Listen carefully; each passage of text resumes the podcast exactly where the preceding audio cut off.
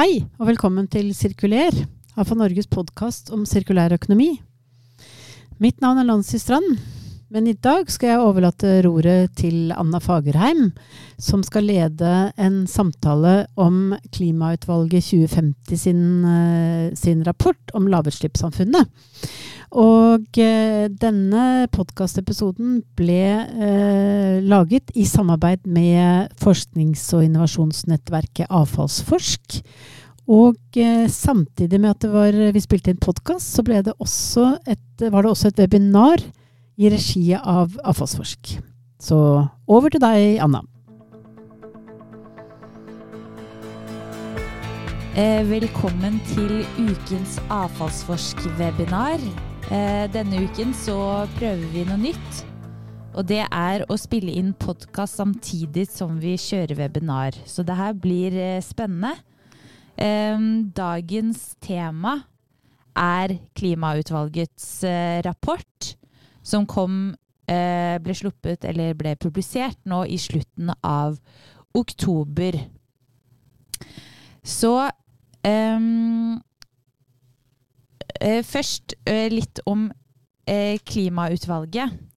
For Klimautvalget 2050, som det heter, ble oppnevnt ved kongelig resolusjon 13.8.2021 for å gjøre en helhetlig utredning av hvilke veivalg Norge står overfor for å nå målene om å bli et lavutslippssamfunn innen 2050. Og utvalget eh, har bestått av 15 eh, medlemmer, og en av de er eh, Camilla Gramstad, som er gjest her i dag.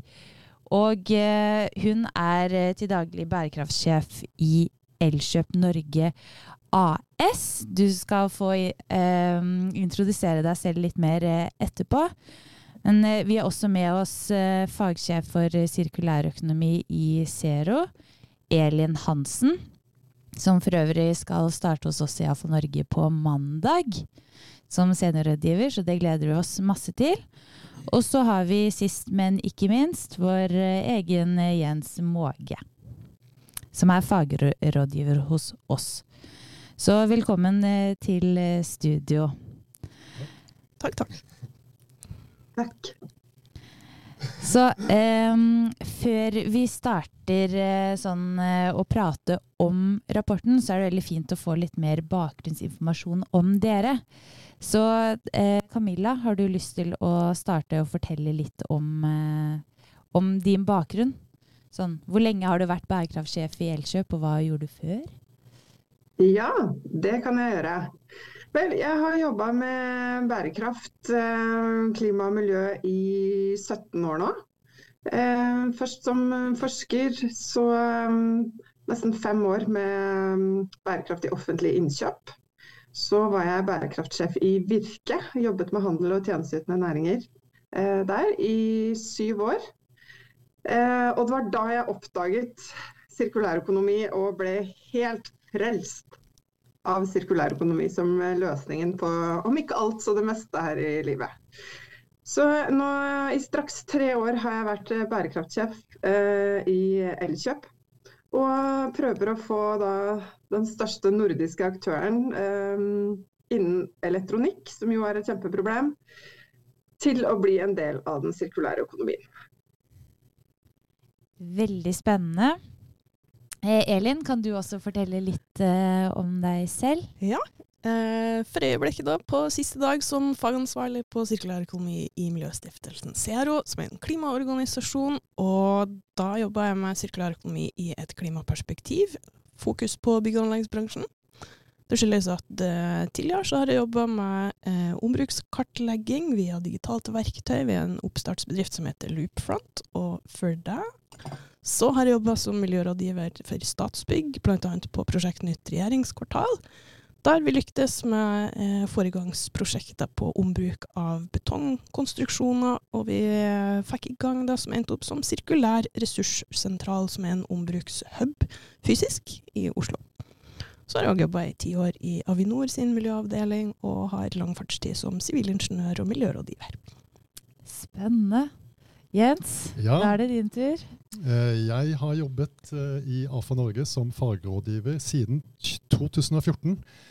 Eh, Og så før det så har jeg jobba en god del år med biogass, og faktisk siden 2005. Så jeg fant ut her at det begynner å nærme seg nesten 20 år.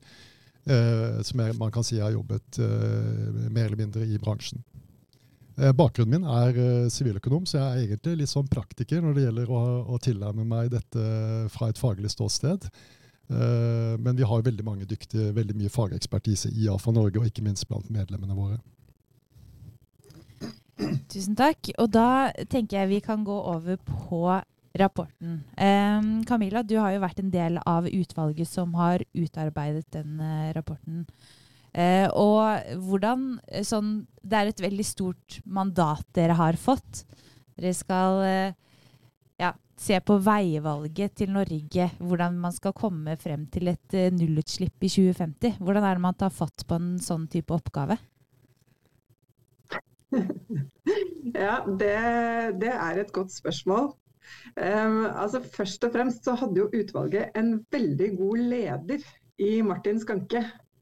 Som er vant til å lede store offentlige utvalg fra før. Han ledet jo klimarisikoutvalget også.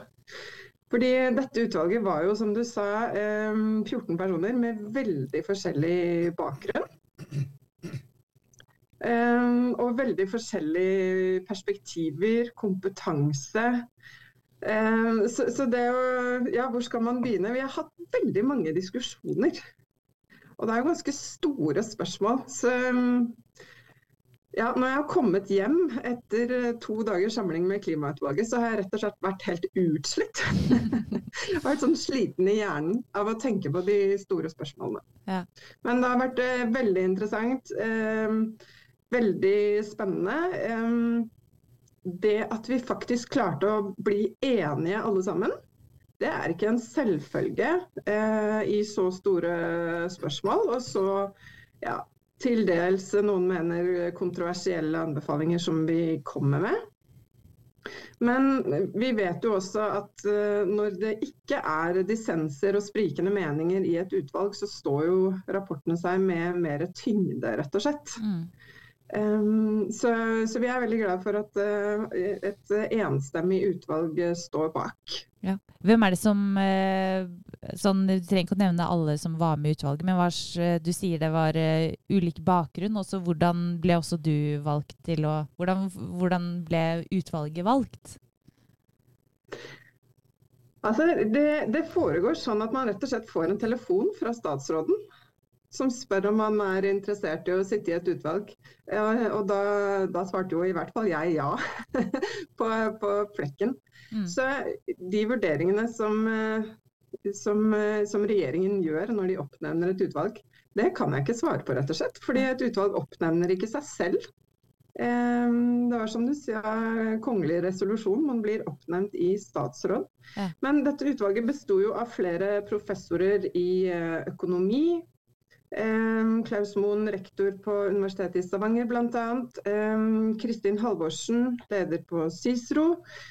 Um, Gro Sandkjær Hansen, professor på Oslo MET, uh, som kan veldig mye om bygg- og anleggssektoren, hele styringssystemet. også Eirik Newt, altså framtidsforsker. og fysiker. Eh, og i tillegg professorer med mye kompetanse på både skogbruk, eh, mat og landbruk. Eh, ja, så, så, bred sammensetning. Altså, jeg var eneste representant for en um, enkelt bedrift. Mm. Um, så, så, det var folk med veldig ulik kompetanse. Ja. Det er veldig spennende at dere, at dere klarte å bli At det ble enstemmig til slutt. Det er Ja. Men sånn for de som ikke har bladd, bladd gjennom denne 400 sider lange rapporten, hva, hva er det, hvordan er det den er bygd, bygd opp? Sånn, ja. Den, den, er bygd opp eh, Den tar utgangspunkt i, i, både mandatet og det norsk klimapolitikk er i dag. Altså Målet for klimapolitikken er jo at Norge skal bli et lavutslippssamfunn i 2050. Og da skal vi kutte 90-95 av utslippene. Eh, om, ja, det er utgangspunktet. Så kommer det flere kapitler eh, om ulike temaer, som eh, energisystemet, areal og natur, mat, et stort kapittel, transport og mobilitet, økonomisk aktivitet og sirkulær økonomi, innovasjon og næringsstrukturer, og så et kapittel om oljebransjen. Så går vi inn på de ulike veivalgene og virkemidler Um, og så er det en stor del av rapporten om hvordan vi skal organisere oss uh, for lavutslippssamfunnet. Hvordan vi må både planlegge, gjennomføre og evaluere alle beslutninger som må tas. Um, for det er ikke sånn at uh, vi, vi, redder klimaet og lager et lavutslippssamfunn med et par-tre beslutninger.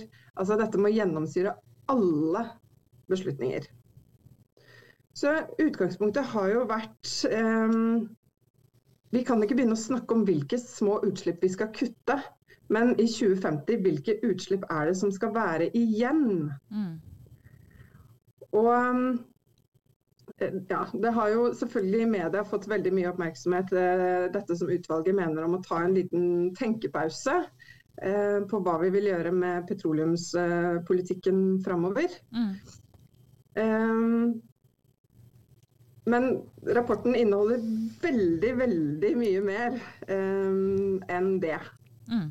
Så, så, jeg anbefaler alle, alle som er interessert i om det er klima, miljø, sirkulær økonomi, tap av natur, um, altså finne, finne sitt kapittel. For det er mange utredninger som har blitt gjort på vegne av utvalget.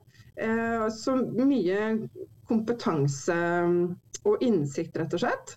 Uh, og alle rapporter ligger ute på klimautvalgets eh, sider. Um, og så mener jeg at det er veldig mange gode anbefalinger her, da, som jeg håper at alle i, i departementene tar tak i. Mm. Um, fordi vi mener at vi må tenke uh, bredere uh, og lengre og mer systematisk om omstilling. Vi kan ikke bare basere oss på kvotekjøp. Det vil ikke være mulig.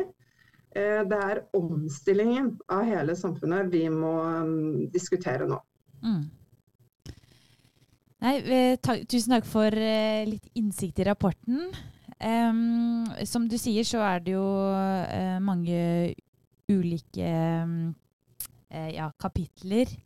Um, og en av de fokuserer mye på sirkulærøkonomi. Og der er um, Blant annet i det kapitlet vi ønsker å prate litt mer rundt nå. Um, det, eh, sirkulærøkonomi har jo egentlig fått en ganske stor eh, del i den rapporten, som er veldig gledelig. Um, eh, ja, så jeg tenker vi, vi kan uh, gå litt over til, uh, til deg, Elin som um, har jobbet mye med bygg og anlegg. Um, som det står i rapporten, så står eh, bygg- og anleggsbransjen for ca. 14% av direkte og indirekte norske utslipp. Mm. Um, og nesten to tredjedeler av dette er produksjon og transport av materialer. Så det, det er jo klare tall. Det er noe som uh, må gjøres. Det er klare tall, og det er en kjempestor bransje med enorm flyt av materiale, og som nesten i sin helhet, på lik linje med resten av samfunnet, henter de materialene fra jomfruelige kilder. Med noen hederlige unntak, selvfølgelig, og med gode retursystemer på enkelte, men jevnt over så må det en fundamental omlegging til. I den bransjen, og lykkes den, så er vi godt på vei, men da er det fortsatt mye igjen i resten av samfunnet lell.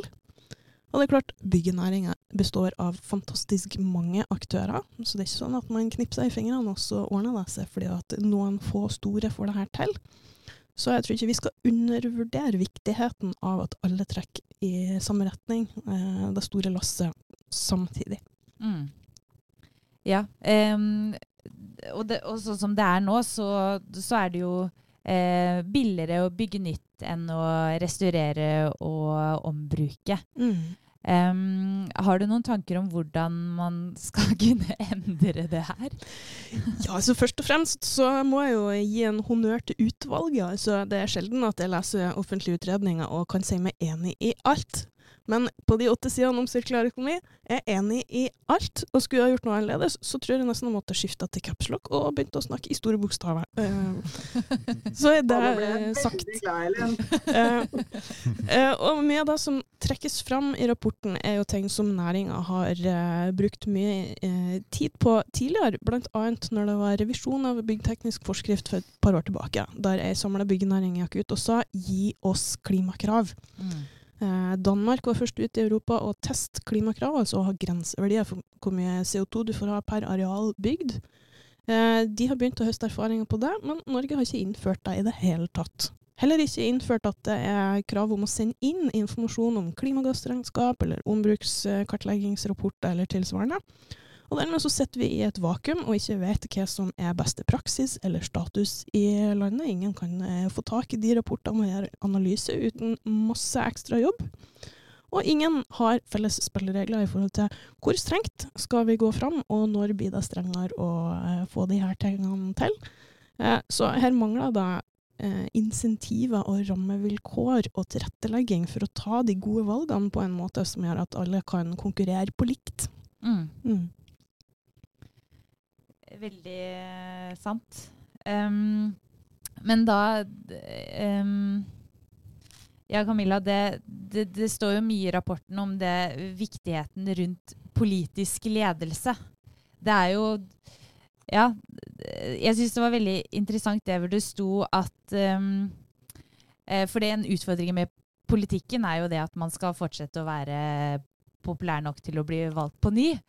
Eh, også I rapporten så nevnes det, det eh, viktigheten av å gjøre ting i riktig rekkefølge for å fortsatt ha politisk aksept, eller sånn som f.eks. at man bygger ut kollektivtilbud eh, og sykkelveier før man eh, reduserer eh, eh, privatbil eh, Altså gjør det vanskeligere å bruke privatbilen, da. Um, er, det, er det noe sånt man eh, ja, er det, noe, er det noen sånne tiltak man kan gjøre i, i bygge, byggebransjen? Hvor er det man bør begynne for at Ja, jeg tenker jo at det, det åpenbare er jo å følge samme tankegang som f.eks. kom i mineralstrategien. At du har en plikt til å utnytte sirkulære ressurser der de finnes, og der du kan. mm, Og om du ikke gjør det, så skal du ha en sabla god grunn til det. mm, Eh, da må man ha tilrettelegging av et marked for det. Vi må selvfølgelig ha de insentivene og tilretteleggingene og satsingsviljen for å få moden oppskalering av et marked på plass. Men det begynner liksom der, da, mm, tenker jeg. Ja, så, men da bør man først satse på de mm, fordi eh, For å kunne ombruke, så må man jo ha de forretningsmodellene og Mm. eh, lagringsplass og man digitale plattformene. Ja. Um, er de på plass nå? Det fins i stort og smått. Det er ikke alt som henger sømløst sammen ennå. Men det er nok til å sette i gang. Det som ikke er nok til å sette i gang eh, på stor skala, er at alle blir nødt til å ta tilbudene i bruk. Mm. For der er det fortsatt sånn at nei, man har ikke råd til, eller syns ikke det er en god idé å ta merkostnaden med øh, å bruke tid på å finne ut av hvor kan man få tak i, har de riktig kvalitet, hvem har de, hvor lagres de, hvem får vi tjenester fra, alt det der. Mm. Man kan få de tjenestene, og man kan få tak i ting, men man må sette det i et system. Mm. Og da er det litt sånn høna og egget på hvem skal begynne å få det her til å øh, skje, sånn at det blir bedre løsninger som henger bedre sammen, og som gjør det enklere neste gang. Mm. Så hvis, hvis kravene kommer, så er eh, bransjen moden. Ja, Eller det er ikke sånn at alle kan sitte på gjerdet og Nei. vente, og så skal det magisk bare skrus sammen et system som fungerer eh, knirkefritt. Man Nei. må være med på den utviklinga og få det her til å eh, fungere på en praktisk måte. Det, Mm. Tilbud og etterspørsel må matches samtidig. Mm. Mm. Nei, det er uh, meget sant. Um, en annen ting som, uh, uh, blir snakket om mye i rapporten, det er biomasse. Og der, det er nevnt i flere kapitler. Og det er annet eh, skrevet at hvis man, ja, hvis man forbrenner biogent CO2, så kan det føre til negative utslipp, som da en har en positiv effekt på eh, nullutslippssamfunnet, eller kan ha det. Men eh, jeg vet at du, Jens, har litt flere ja, vinklinger rundt dette. Ja, jeg har jo lest rapporten spesielt med fokus på, på det den sier om eh, bio. Og, det er Klimautvalget har mye drøfting som du sier, om bruk av biomasse eh, og såkalt andre utslipp. Eh, og Der er jo det utslippet av de, eh, altså de høypotente klimagassene metan og lystgass og disse KFK-gassene uh, som, som, drøftes mye. Og man sier vel at disse andre gassene vil kunne stå for 1 million tonn i, i 2050. Og Jeg liker veldig godt at rapporten diskuterer dette og får faktisk frem hvor potente disse klimagassene er. Eh, Bl.a. med referanse til, til IPCC, eh, hvor, hvor, eh, hvor, man ser at f.eks. metan, da, som de fleste har jo hørt dette med at metan er 25 ganger eller 23 ganger mer potent enn CO2. Men det er jo et 100-årsperspektiv. Mens i rapporten så har man laget en veldig fin figur som viser at uh, hvis du ser på et 20-årsperspektiv, så har metan et uh, oppvarmingspotensial på 80 ganger CO2. Og, uh, og det gjør jo at det er ekstremt viktig å jobbe med metan og lystgass er jo, er, er jo enda mer potent. Så, så, det er veldig bra. Men samtidig eh, så jo, så bommer rapporten her. Og her må jeg dessverre da være liksom eh, eh, ødelegge festen litt her, fordi jeg, jeg føler at rapporten eh, dessverre eh, bommer på eh, det potensialet som ligger i å jobbe med f.eks. biogass. da. Og Vi snakker mye om sirkulærøkonomi her. og det er sånn at eh, AFA Norge vi sa nå nylig i høringen på statsbudsjettet i energi- og miljøkomiteen på Stortinget, så sa vi at biogass er syretesten på om myndighetene ønsker mer sirkulær økonomi. Og det er jo sånn at Biogass er en fantastisk klimaløsning. Og Den er altså ikke omtalt i, uh, i rapporten. Vi, uh, vi er elleve organisasjoner som forrige måned kom med en sånn biogassplattform hvor vi, vi viser at biogass kan kutte to millioner tonn i året fra 2030.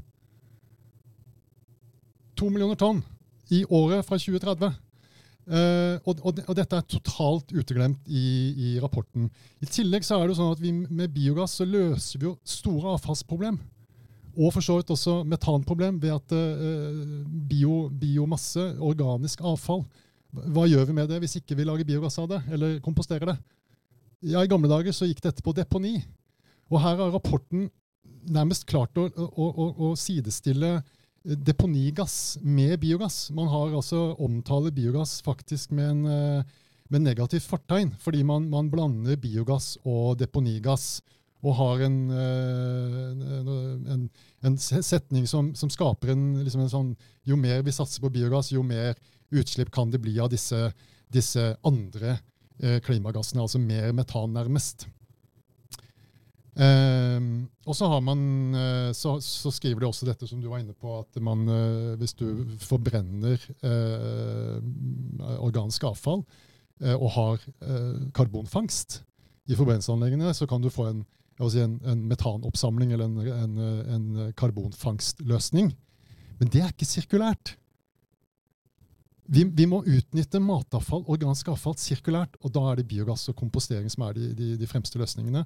Så, så her dessverre bommer, bommer rapporten. Men eh, som det står eh, også i rapporten, Camilla, du får bare eh, komme med kommentar hvis det sier ting litt feil, så eh, er det jo også det at eh, Som du sa, også innleda med, så er det et maks det er en maks utslippskvote vi har på, på i 2050. Eh, og at dere i utarbeidelsen av rapporten har sett på hva er det, hva skal disse utslippene være. Um, og med forbrenning av biogass så er det jo utslipp, Jens? Hva, hva mente du nå? Nei, sånn- Ja, eller sånn med, med bruk av biogass. Ja, altså hvis, hvis, du ser, hvis du går litt inn i detaljene da, på, Mm. på all, all bruk av, av eh, si, metan, da, eller gass, for den saks skyld eh, all annen energi, så har du jo utslipp i produksjonskjeden. Mm. Eh, altså Norsk vannkraft er jo ikke utslippsfri. Vi, har jo, eh, vi liker å tro at det er utslippsfritt, men, men det er jo utslipp i uh, produksjonen av vannkraft.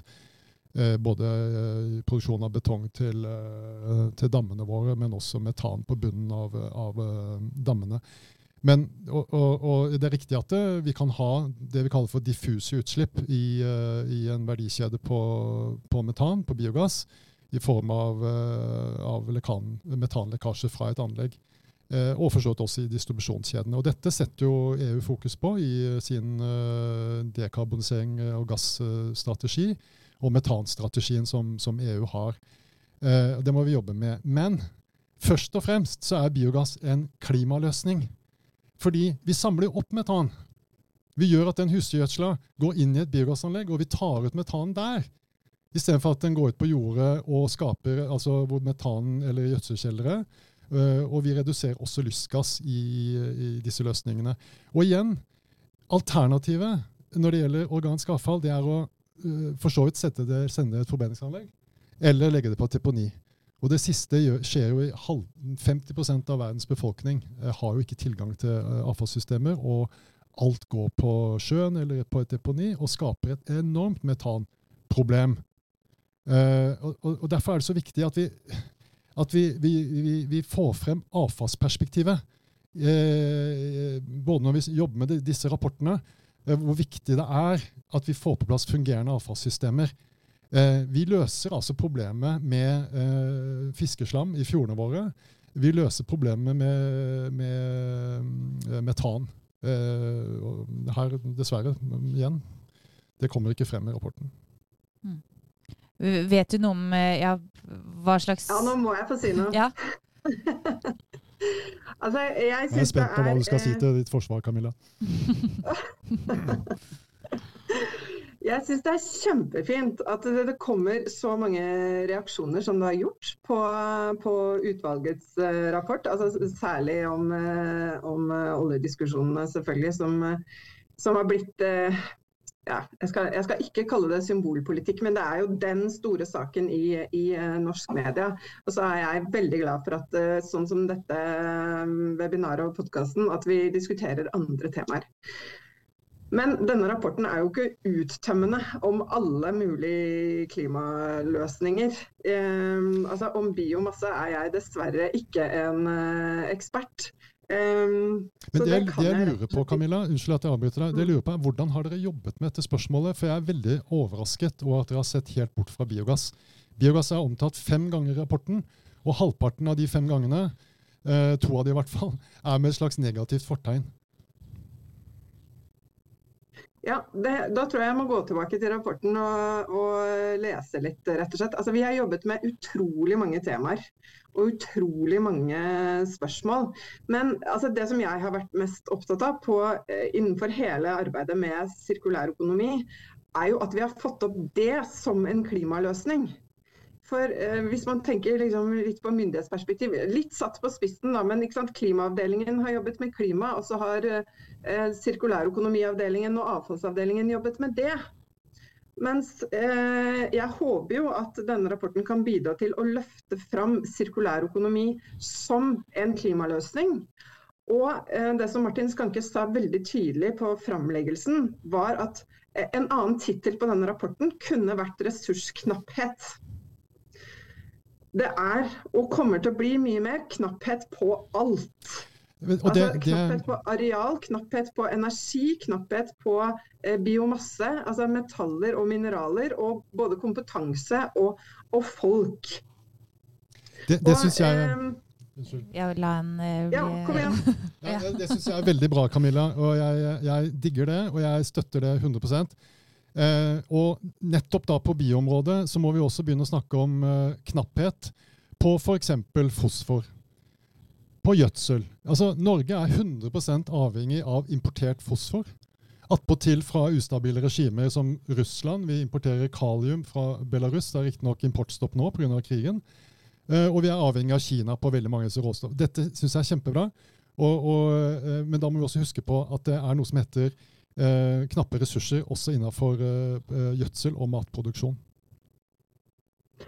Ja, altså jeg mener at Noe av det viktigste i denne rapporten er dette eh, rammeverket som vi kaller UFF.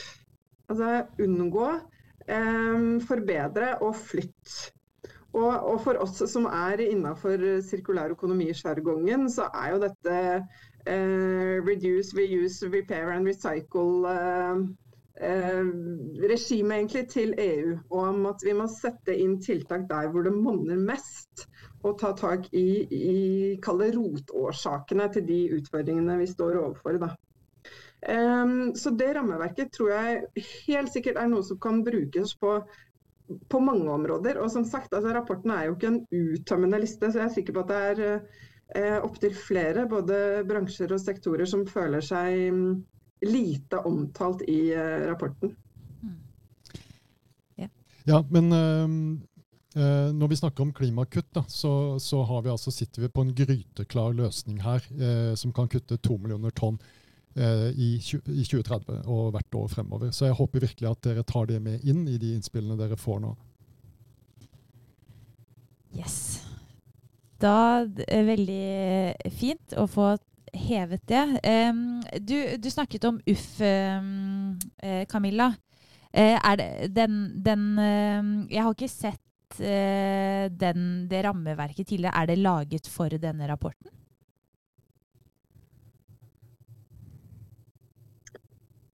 Eh, ja, her tror jeg det er et slags samarbeid med både sekretariatet til utvalget, som har jobbet veldig bra, og jeg har en mistanke om at Miljødirektoratet har brukt det på noe tidligere.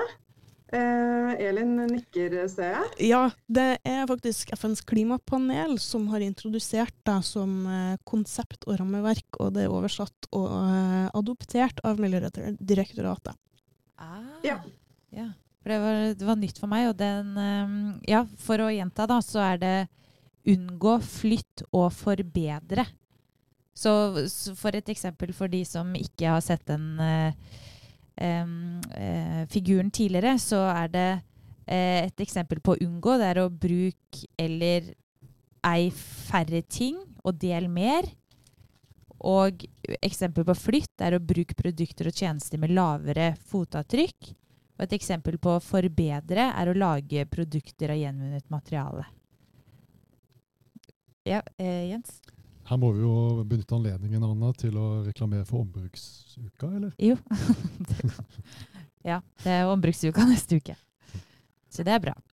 Men um, ja, Elin, du er, du er, kjent med Har, dere, har du brukt Eller er den brukt også i bygge det kanskje, det er, kanskje, ikke så veldig godt kjent, akkurat ordbruken med å unngå å flytte og forbedre, men tankegangen er veldig tett knytta opp til forståelsen av avfallshierarkiet. Og det er jo i og for seg eh, ulike ord og begreper for akkurat samme tilnærming, nemlig kan du unngå å kjøpe noe nytt, eller å slippe ut um, så mye som du gjør med de valgene du tar for å dekke behovene dine? Ja, fint. Mm. Hvis ikke, skal du ha tak i noe, kan du få tak i noe ombrukt, reparert ja, fint. Hvis ikke, kan du materialgjenvinne istedenfor å energigjenvinne. Og kan du energigjenvinne istedenfor å deponere. Sant? Så det er akkurat den samme tilnærminga som avfallshierarki, eller avfallspyramiden om du vil. Den er mm. veldig kjent i bygg og anlegg. Ja. Men uh, her kles det da inn i uh, begrepsapparatet 'unngå, flytte og forbedre', som jeg nok tror vi kommer til å bli mer og mer kjent med som begrepsapparat framover. Mm. Mm. Jeg er helt enig, Elin. Det er det vi prøver å få til her. Vi bruker det også på transport. Altså, jeg mener at det kan eh, brukes på, på, mange områder. Eh, og hvis vi klarer å, å, få mainstreamet det på godt norsk, så tror jeg vi har kommet ganske langt. Da. Jeg er helt enig. Akkurat der syns jeg også rapporten var veldig god. at uh, På transport så sier den at uh, man må først og fremst jobbe med å unngå transport. Eh, altså optimalisere transport. Eh, og, og, Der tror jeg det er kjempemye å hente. Ikke minst i vår bransje, som er en stor uh, transportbransje. Det flyttes mye avfall. Her tror jeg vi har veldig mye å hente også. Mm.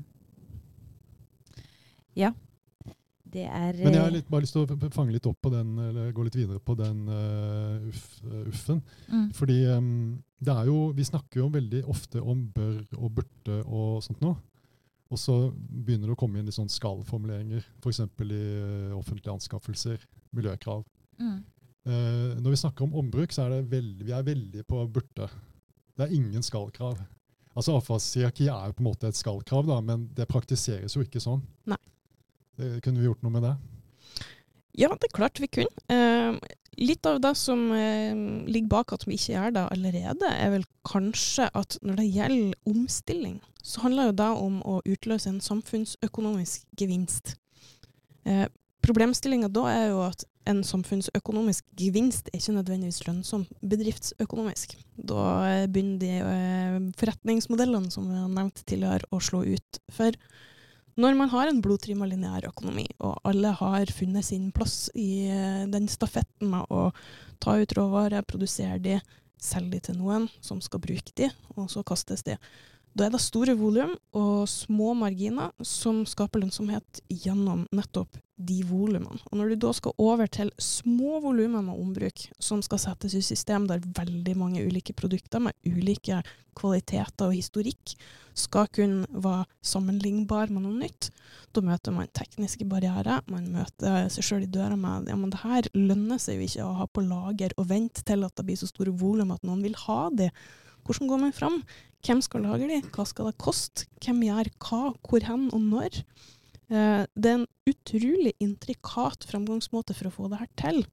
Og det er lett å stille krav og sette mål. Det er ikke fullt så lett å skru sammen den verdikjeden og alle de tjenestene som gjør at alle de produktene kan komme fram til de som har de behovene.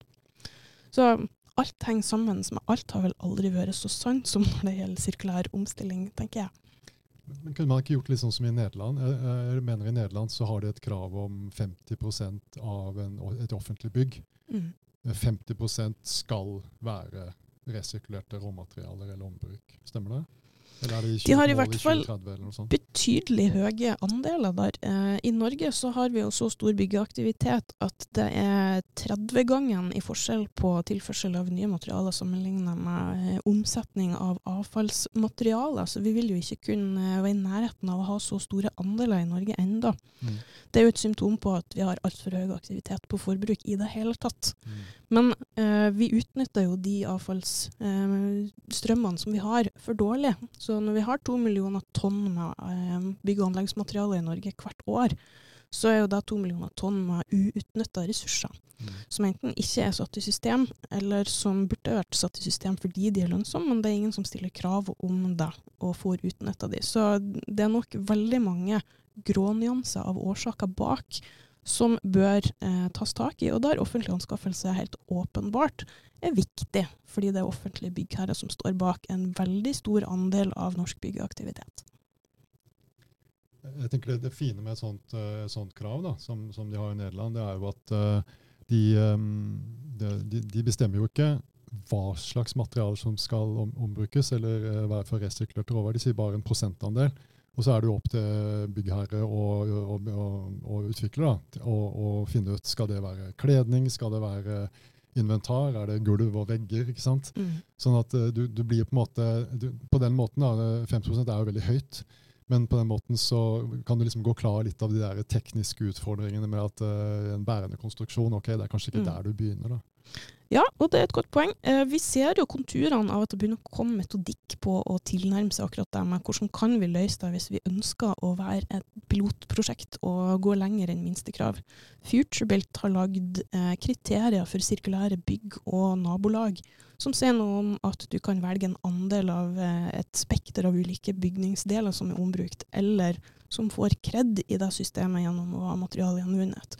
Og det er kjempefint, men det er frivillig.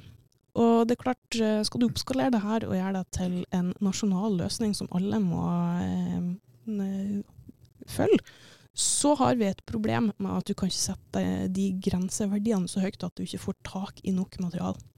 Så skal det jo sies da at eh, norsk byggebransje er sånn 50-50% på materialer fra innenlandsproduserte eh, kilder og utenlandske verdikjeder. Så strengt tatt så kunne vi jo ha begynt å dekke mer av våre eh, behov i Norge gjennom europeiske og internasjonale verdikjeder på avfallsstrømmer som blir oppgradert og reparert og satt i stand til videre bruk. Så her er kjempepotensial, som jo òg eh, Klimautvalget sin rapport setter fingeren på, som er uutløst. Mm. Ja, hvis jeg kan bare si at dette, denne rapporten er jo ikke en, en fullverdig gjennomgang av virkemidler, eh, avgifter, andre typer virkemidler for en sirkulær økonomi. Eh, altså det hadde vi ikke vi eh, verken mandat eller ressurser til. Men vi er jo tydelige på at vi støtter Skatteutvalgets anbefaling om å gjennomføre en full gjennomgang av virkemidler og, altså, det er jo et annet hovedpoeng i rapporten, da, at eh, man har snakket om CO2-avgift eh, som hovedvirkemiddel i klimapolitikken i veldig lang tid. Og vi sier at det er ikke nok. Vi må vurdere andre typer virkemidler, som eh, påbud, eh, forbud. Eh, ja, er, vi har en lang rekke virkemidler vi kan bruke.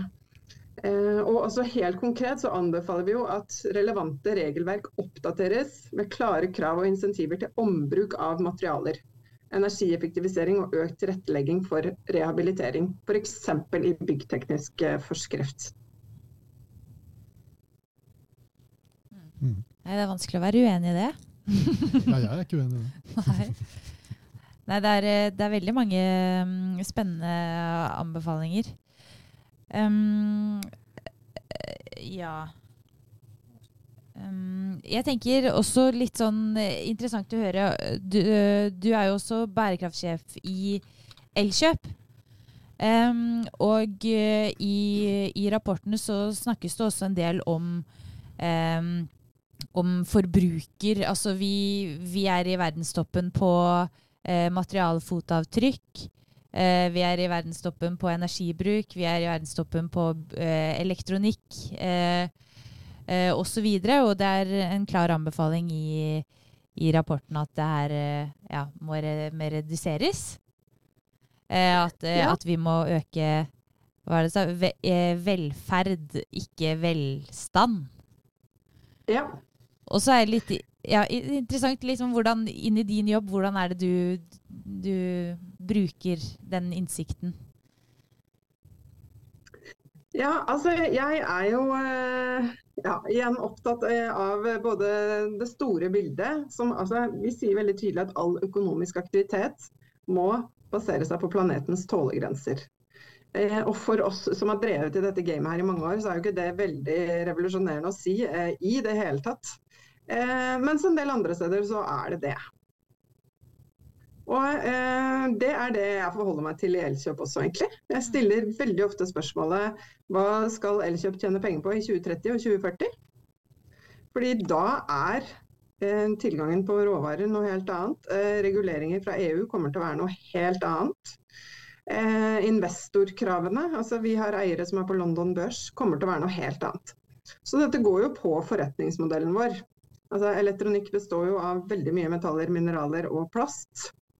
Eh, som for det første bør vare lenger og være sirkulært designet, selvfølgelig, så det kan vare lenger.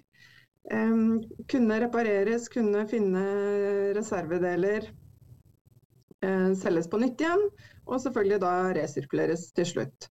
Så Elkjøp sin bærekraftstrategi er uhyre enkel. Den er bare de fire ordene. det.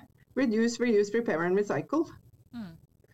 Så veldig mye av min jobb går ut på å få alle våre 12 000 ansatte til å både kunne de ordene, Um, og så at vi utvikler strategien vår og forretningsmodellen i den retning. Så nå har vi faktisk akkurat satt oss en ny KPI og et nytt mål om at 2027 skal 10% av omsetningen vår komme fra sirkulære produkter og tjenester. Mm. Altså reservedeler, reparasjoner eh, og brukthandel. Mm. Så nå i september lanserte vi um, brukte mobiltelefoner. Ja. Det er veldig bra. Um, ja. Og vi har Nordens største reparasjonsverksted for uh, elektronikk. Og største innsamler av elektronisk avfall. Så um, altså, vi er godt i gang, men vi har selvfølgelig veldig mye igjen. Mm. Um, Det som er Et av hovedpoengene igjen i rapporten er at vi anbefaler et forbruksbasert klimaregnskap. Det har jo ikke Norge hatt før. Mm. Så liksom en, en klar kobling mellom forbruk og klima, Det er veldig bra. den, den finnes rett og slett ikke i Norge i dag, mener jeg. Um, så, så det er derfor vi må liksom, igjen få fram sirkulærøkonomi som klimaløsning. Så um, tror jeg vi er godt på vei. Jeg har litt lyst til å stille et spørsmål til Camilla. Ja. Eh, det med pantesystem for eh, å få forbrukerne til å levere inn eh, brukte produkter. Hvordan har det gått, og hvor fort begynte det å vokse, sånn at eh, det viser seg å fungere i praksis for Elkjøp? Altså, nå har jeg ikke de siste tallene, men det har fungert ganske godt.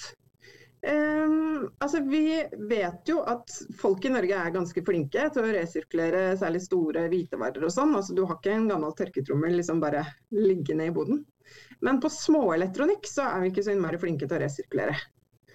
Uh, altså vi har masse eksempler på liksom hårfønere, altså sånne typer produkter som havner bare i restavfallet. Uh, eller at um, produkter som mobiltelefoner og PC-er som man har mye privat data på, at der er det en stor barriere for å resirkulere. Eh, og også er jo dette produkter av ganske høy verdi. Så vi har jo da en pantekalkulator eh, på nett, hvor du kan finne ut hvor mye produktet er verdt. Um, og så Basert på det så vurderer jo vi om eh, altså, kan produktet selges videre. Er det ikke resalgbart eh, eller ikke. Så, så pant har fungert ganske bra for å gi det her lille insentivet. Den, eh, jeg skal kalle det ja, å endre forbrukeratferd, eller hva jeg skal si. Men også noe vi har gjort med containere i butikk som heter Secure Collect. Som er en slags eh, forseglet container hvor du kan liksom droppe inn mobiltelefonen din. Eh, og vi garanterer at den blir vipet for eh, privat data. Så nå, nå var det Sverige, altså Jeg sitter jo på nordiske hovedkontoret. så I Sverige så hadde de da en kampanje forrige uke. Liksom spilte litt på humor, bilde av en gammel knust mobiltelefon. Eh, på denne er det 300 SMS til eksen din du ikke vil skal havne på gærent eh, hold. Eh, vi fikser det. Men eh, neste uke så er det Nei, to uker. Så er det Black Friday. Ja. Er dere, gjør dere noe på, eh, for å snu litt eh, over mot uh, være med på type ombruksuka eller noe sånt, eller? Nei, altså Black Friday er en eh, kjempeviktig salgsperiode for oss og for hele handelen. Så Black Friday er jo eh, ja, noe handelen eh, driver med. Altså, jeg er opptatt av at vi får fram disse sirkulære løsningene hver dag, egentlig. Men kunne dere ikke også Eh, med. og øke bevisstheten. Men man- eh, selvfølgelig, man- Black Friday er der. Ja, den er der. Sannsynligvis Den, for å bli. Men, men eh, man kunne jo sett for seg at man også Jeg tenker på et kjøpesenter da, man, eh, der man har eh, man, man, man trenger å ha aktiviteter. For så vidt gjennom hele året, som du sier. altså At du kan få inn ombruksaktiviteter. og, og gjøre, Vi ønsker jo å få lage ombruksuka til en nasjonal satsing. da, Som går samtidig med Black Friday. Så etter hvert at man får flere og flere over til å, å gjøre aktiviteter på, på ombruksuka. Og lanserte sirkulært kart med reklame for den. Eh, Så vi, vi gjør en del ting der da, som eh, vi kunne hatt vært gøy å diskutere videre med dere. Absolutt. Altså, vi er jo selvfølgelig veldig eh, vare for å bli beskyldt for eh, grønnvasking. Jeg har en viss, eh, mistanke om at det hadde skjedd hvis vi hadde gjort noe liksom Green Friday. Um, men um, altså, vi skal gjøre det riktig. Men det er klart Black Friday er en kjempeviktig salgsperiode for oss. Altså, det er jo ingen hemmelighet at det er tøffe tider i, i eh, norsk handel. Eh, og dermed desto viktigere å komme med disse sirkulære løsningene da, som, som salg av brukte produkter, som vi nå har. Yes, da tror jeg vi skal eh, begynne å avrunde. Eh, men eh, som en avsluttende runde så eh, tenker jeg av, av, å utfordre dere på eh, kort si hva er, hva er det beste med den rapporten av det eh, som har kommet frem? Ja, jeg jeg syns uff var veldig spennende. Altså En norsk eh, variant av alle disse r-ene, og liksom få frem det som et begrep. og fokuset på å faktisk redusere, tenke gjennom forbruket. Og det Camilla også snakker om, forbruksregnskap, klimaregnskap. Kjempebra. Mm. Elin? Er litt opptatt av eh, kombinasjonen av offentlig innkjøp som virkemiddel, fordi det er så stor innkjøpskraft og så stor effekt der. Eh, den kunne ikke vært skrevet med store nok bokstaver, egentlig. Mm. Eh, men den henger godt sammen med næringsretta virkemiddelapparat. Man må hjelpe verdikjeden til å kunne klare å levere de eh, UF-baserte valgene man ønsker å ta. Så det å innrette måten vi stimulerer til denne omstillinga, sånn at man faktisk kan tjene penger på å levere til de som bestiller, kjempeviktig. Det er de to viktigste. Mm. Camilla? Altså, jeg er veldig glad for at rapporten har fått fram det at eh, ressursknapphet er noe som vi må ta på veldig mye større alvor enn det vi gjør i dag. Uh, fordi man kan jo tenke at mange løsninger blir presentert som Um, altså at det, um, alt er tilgjengelig i overflod. F.eks. Uh, areal til fornybar uh, kraftutbygging. Uh, og det er jo ikke det. Så det må vi ta inn over oss, rett og slett. Um, ressursknapphet på, på, alle områder. og der kommer jo selvfølgelig da sirkulær økonomi inn i mye større grad som løsningen. Um, og det mener jeg er det aller viktigste med rapporten. Mm. Tusen hjertelig takk. Da tror jeg vi skal avslutte med å si at vi anbefaler alle å ta et dypdykk inn i rapporten. Det er veldig mye spennende som uh, står der, og veldig mye bra. Um, og så tusen uh, takk til uh, Camilla, Elin og Jens for en veldig fin samtale. Eh, og så vil jeg bare ønske god helg når den tid kommer. Så takk, takk, takk. for i dag. Takk det samme. Takk. takk.